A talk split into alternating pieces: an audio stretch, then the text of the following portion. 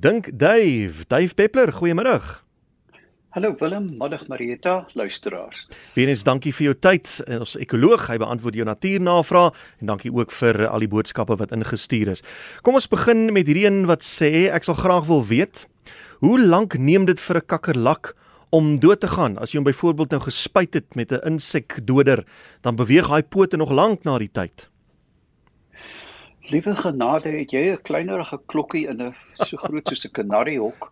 Ehm um, kyk, dit, goed, hier's 'n paar antwoorde.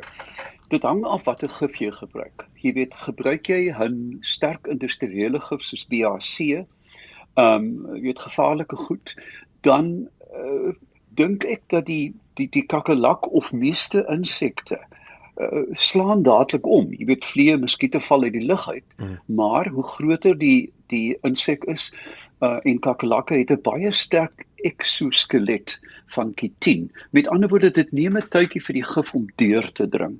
Sou jy 'n uh, omgewing vriendelik wees en jy gebruik 'n gif soos peritien wat van blommetjies afkomstig is, werk dit gewoonlik redelik vinnig, maar die goed is baie duur want dit is 'n uh, jy weet, uh, dis blommetjies wat met die hand gepluk word en dan maak hulle in Duitsland 'n gif daarvan. So ek ek kan nie uit die vuis uit sê nie, maar as jy gespuit het dan is dit neusie verby vir die kakkelak en ek dink die sterk eksoskelet uh, keer dat die gif onmiddellik geabsorbeer word soos met 'n sagter velletjie van 'n vlieg of 'n muskiet.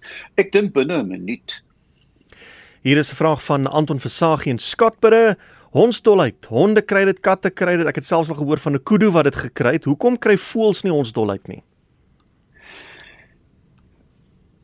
Daar ehm uh, um, geval. Ek is nie o, genade, nou moet ek vinnig. Hondstilheid kry deur deur meeste uh, werveldiere, uh, maar soos jy reg sê, nie voels nie. Die die antwoord is hoekom kry beeste nie voelgriep nie? Want uh hierdie uh, virusse is natuurlik uniek aan 'n sekere groep diere of selfs uniek aan 'n sekere dier. So ehm um, dit, dit Ek het nog nooit gehoor van 'n voël wat hondstolheid het nie en ek weet eintlik nie. Nee nee, ek is nou dood ernstig. Ja, laat my dink. Die eerste keer in my lewe wat iemand is 'n baie boeiende vraag. Ek sal 'n bietjie daarna moet kyk en die hele ding uitpak op my op my Facebookblad. Maar ehm um, jy weet, uh, siektes is baie uniek aan sekere organismes uh uh jy weet skimmel swam siektes virusse hmm. en ook bakterieë en dan dan sluit dit uit die uit die aard van die ontwikkeling van hierdie organisme sekere groepe uit. Ek woon in Kreersdorp, daar in die omgewing, daar op 'n plot. Dis twee dik koppe wat hier broei. Ek sien hulle jag in die aande, dik koppe ook nagsig soos uile. O, uh, nie so 'n uh, kritiek, jy weet of of so so fyn soos uile. Die uile het 'n verdigting van stafies in die agterkant van die oog bekend as die fovea. En en hulle kan die lens dan manipuleer om byna teleskopies te kyk na sekere onderwerpe dikkoppe is natuurlik uh, lewe uh, nie lewe nie. Uh se se uh, voedings is gewoonlik in die nag. Hulle lê plat in die dag, jy weet as jy hom opjag vlieg hy ook nie ver nie, hmm. maar die oog is nie gelyk aan die uil nie. Die uil het 'n baie baie gespesialiseerde oog, maar natuurlik hulle is aangepas vir nagvisie um met pupille wat baie baie groot kan raak. Hier's 'n vraag van Judy af. Ek het my gordyn gesoom en net soos 'n lui vrou dit betaam, het ek nie die gordyn eers afgehaal nie, ek het hom sommer gesoom terwyl hy daar hang. En uh so 2 maande later, toe sien ek 'n geitjie beweeg tussen die gordyn en die voering van die gordyn. Hy kon nie daar uit nie, maar hy het steeds geleef. Ek het hom die soom losgemaak en so die geitjie gered. Hoe is dit moontlik dat hy vir 2 maande oorleef het?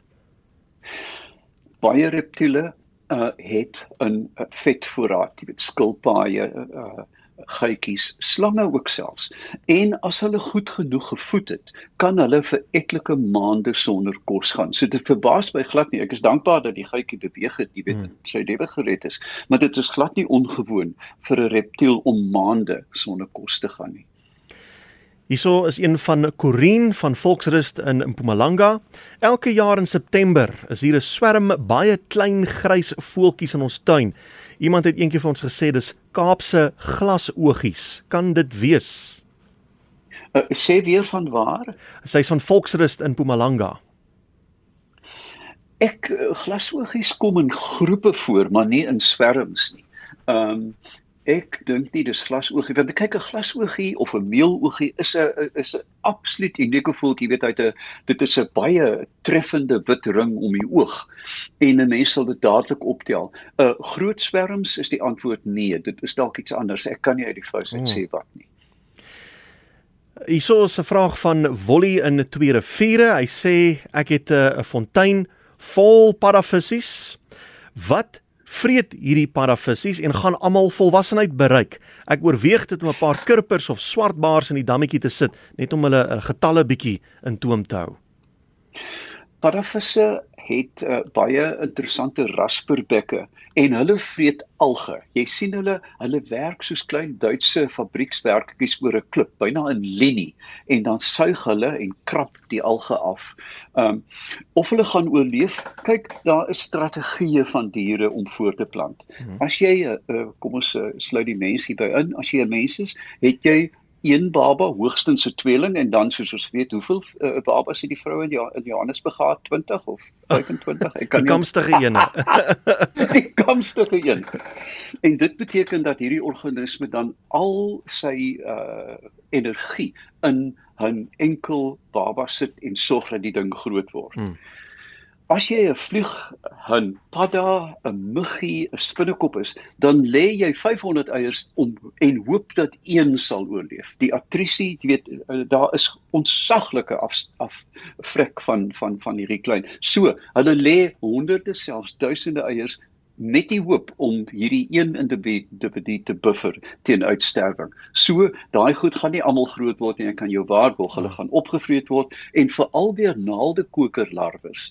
Ehm um, hulle is gruisame predatore en is, is baie lief vir parafisse. So jy moet mooi kyk, dit lyk uh, dis 'n 'n groterag 2 cm uh akwatiese insek voor die naaldekoker ontpop en ek dink dat al die naaldekokers gaan meer vreet as die baars.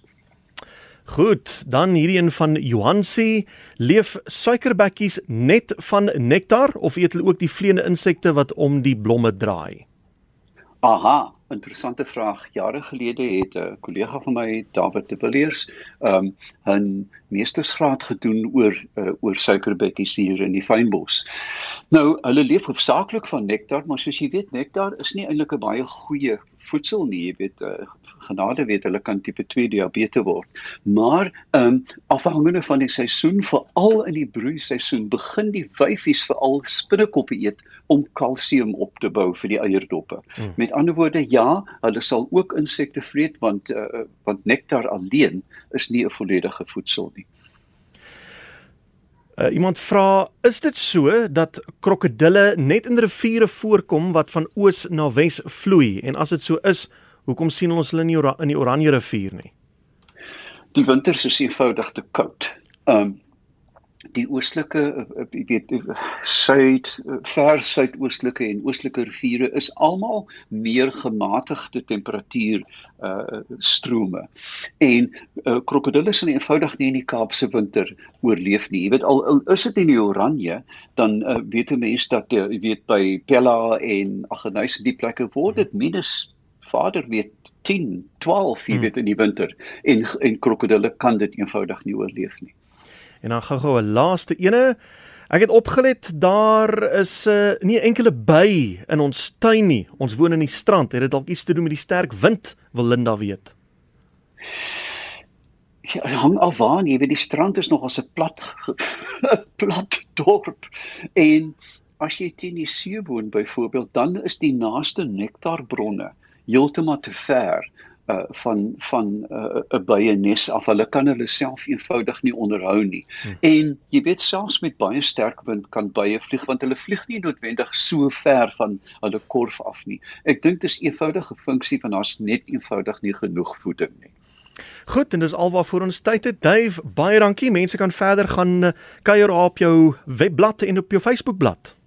Ja, altes seker ek het gister iets gepos oor uh, ons geaardheid, jy weet so semi-filosofiese dinge. Gaan kyk 'n bietjie daar. Ehm um, dit dit uh, kry goeie reaksie en ek sal dan ook uh, my my my gapings vra oor uh, kakelakke en so ons 'n bietjie aanvul vanaand.